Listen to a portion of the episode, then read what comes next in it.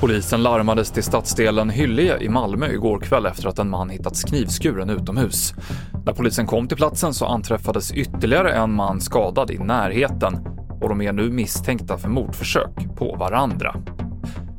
Det råder ishalka på flera håll längs eh, landets östra sida och Trafikverket gick tidigt i morse ut med en varning. Halkan som skapat stora problem under morgonen sträcker sig från Blekinge upp mot Stockholm. Flera olyckor har rapporterats, både med bilar och lastbilar inblandade och det är det milda vädret med regn som träffar kalla vägbanor som har lett till isbeläggning på vägarna.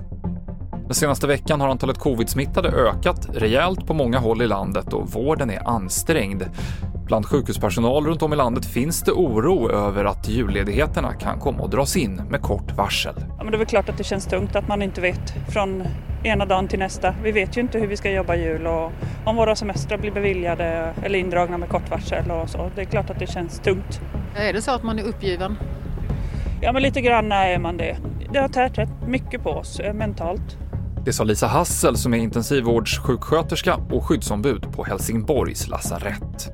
Fler nyheter hittar du i appen TV4 Nyheterna. Jag heter Mikael Klintevall.